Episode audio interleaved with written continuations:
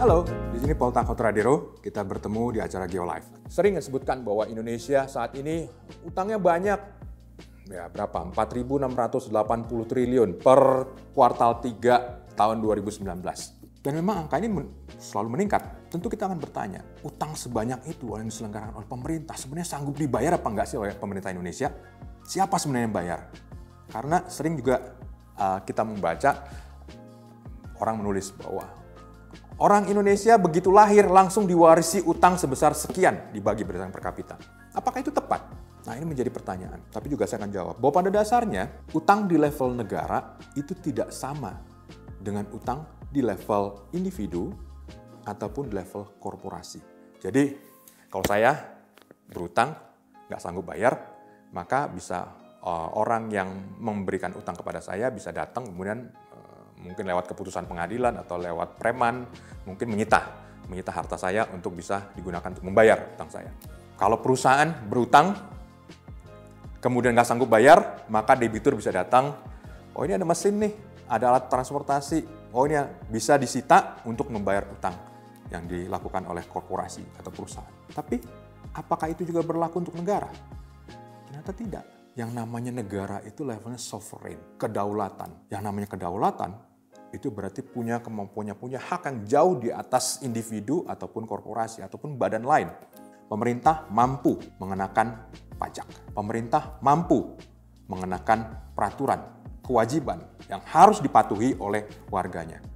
Pemerintah mampu menerbitkan utang, nah menerbitkan uang. Yang kita tahu bahwa kalau setiap uang yang kita kita kita miliki selalu dituliskan bahwa uh, dilarang untuk meniru, menjiplak atau membuat uang palsu ini luar biasa ya. Kenapa? Karena bahwa ternyata hak untuk membuat mencetak uang itu pun hanya dimiliki oleh pemerintah. Mungkin Anda sedemikian ahlinya juga untuk bikin uang yang persis seperti uang yang uh, asli misalnya.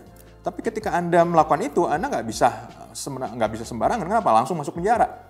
Nah ini yang disebut sebagai sovereign. Jadi kembali lagi ke sana bahwa yang namanya utang pada dasarnya adalah uang di level pemerintah pun seperti itu. Dan kalau kita perhatikan di berbagai uh, mata uang itu selalu disebutkan bahwa ini adalah alat pembayaran yang sah, bisa ditukarkan dengan sejumlah uang. Padahal kan uang juga kan, uang ditukarkan uang. Nah itu sebabnya kenapa juga ada satu persepsi juga yang perlu kita pelihara bersama. Bahwa pada dasarnya pemerintah Republik Indonesia atau pemerintah Amerika atau pemerintah Malaysia atau mana pun selalu akan bisa membayar utangnya dalam mata uangnya sendiri. Kenapa? Karena satu-satunya yang berhak untuk men mencetak uang tersebut dalam mata uangnya sendiri adalah pemerintah itu sendiri.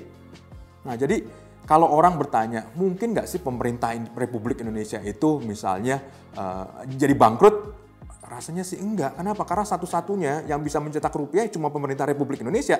Mungkin nggak pemerintah Amerika bangkrut? Enggak.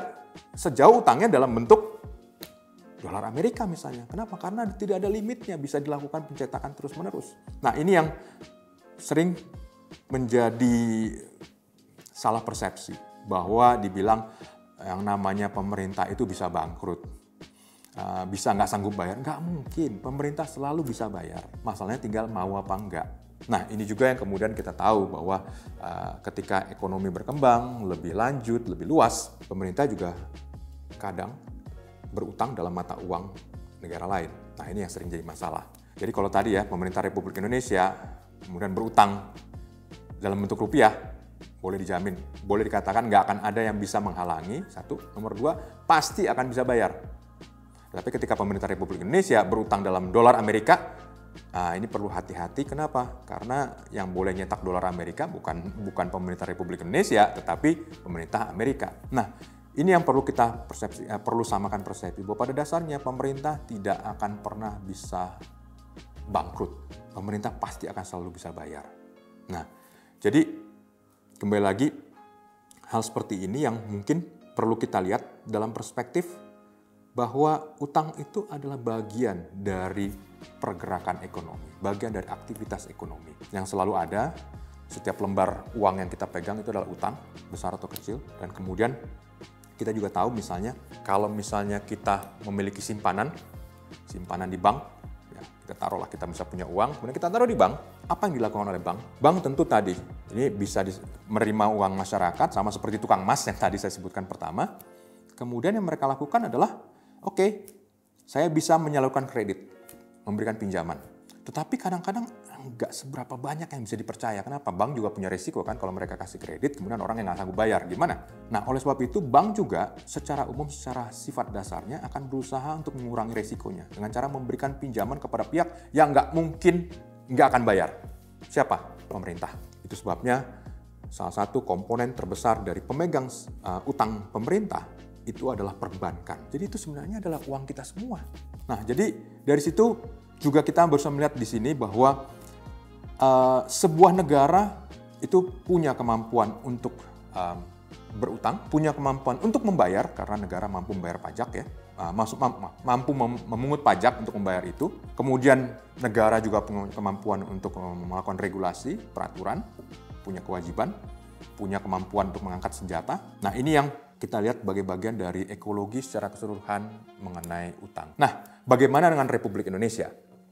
Tadi kan angka 4.680 triliun. Angka yang besar, ya besar 4.680 triliun pula kan. Tapi kita juga jangan lupa bahwa ekonomi Indonesia pun besar. Uh, saat ini sudah di atas 14.000 triliun. Dan itu adalah output ekonomi setiap tahun. Jadi kalau tadi ya, utang adalah 4.600, misalnya sebesar ini, maka output ekonomi Indonesia yang 14.000 triliun itu adalah sebesar ini, dan setiap tahun ada lagi sebesar ini yang muncul. Jadi kita harus melihat di sini ada dua ukuran. Pertama adalah yang namanya uh, output ekonomi, yang sering-sering dibilang sebagai PDB, produk domestik bruto, itu adalah output yang dilakukan, ada muncul setiap tahun, setiap waktu, setiap aktivitas akan menghasilkan seperti itu, dan terus bertumbuh. Terakhir perhitungannya ya bahwa ekonomi Indonesia bertumbuh 5% per tahun. Berarti PDB-nya ya tadi nanti tahun depan kira-kira berarti 14 ribu triliun dikali 5 persen, naik lagi. Nah sementara yang tadi utang itu juga mungkin akan naik tapi lebih sifatnya merayap, sementara di sisi lain output ekonomi bergerak terus. Dari sini kita kan bisa melihat dalam perspektif itu bahwa utang itu adalah bagian dari ekonomi modern. Siapa yang mengutangkan kepada pemerintah Republik Indonesia? Ya ada sih ya investor yang beli surat utang negara, tapi bagian terbesar yang mengutangkan kepada Republik Indonesia adalah saya, Anda, kita semua. Setiap kita menyimpan uang di bank, sebagian itu dipakai untuk mengutangkan kepada pemerintah Republik Indonesia. Setiap kita misalnya ikut asuransi, sebagian dari uang asuransi yang kita setorkan itu dibelikan surat utang negara setiap kali kita misalnya nanti jaminan pensiun, oke saya sekarang ini bayar iuran pensiun yang nanti saya akan pensiun, sebagian dari uang itu disimpan dalam bentuk surat utang negara dibeli dan lain sebagainya. Jadi bisa dilihat di sini bahwa kekhawatiran mengenai pemerintah tidak sanggup bayar itu tentu harus kita letakkan dalam perspektifnya.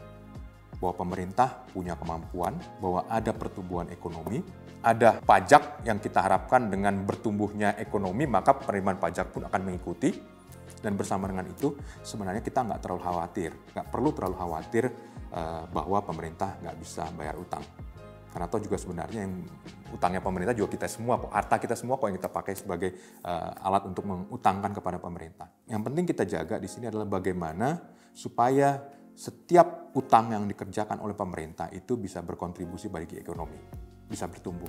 Saya contohnya lah membangun infrastruktur.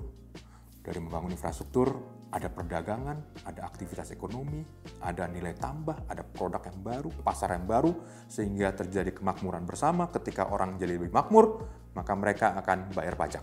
Penerimaan akan pajak meningkat, sehingga kemampuan bayar oleh pemerintah semakin bisa terjamin. Ini yang oleh lembaga dunia sebut sebagai rating, kemampuan daya bayar. Dan untuk Indonesia, ratingnya semakin lama semakin baik. Ini menunjukkan bahwa saat ini kemampuan pemerintah untuk membayar bagian dari persentase dari output ekonomi cukup baik dan semakin baik. Ini yang perlu kita jaga.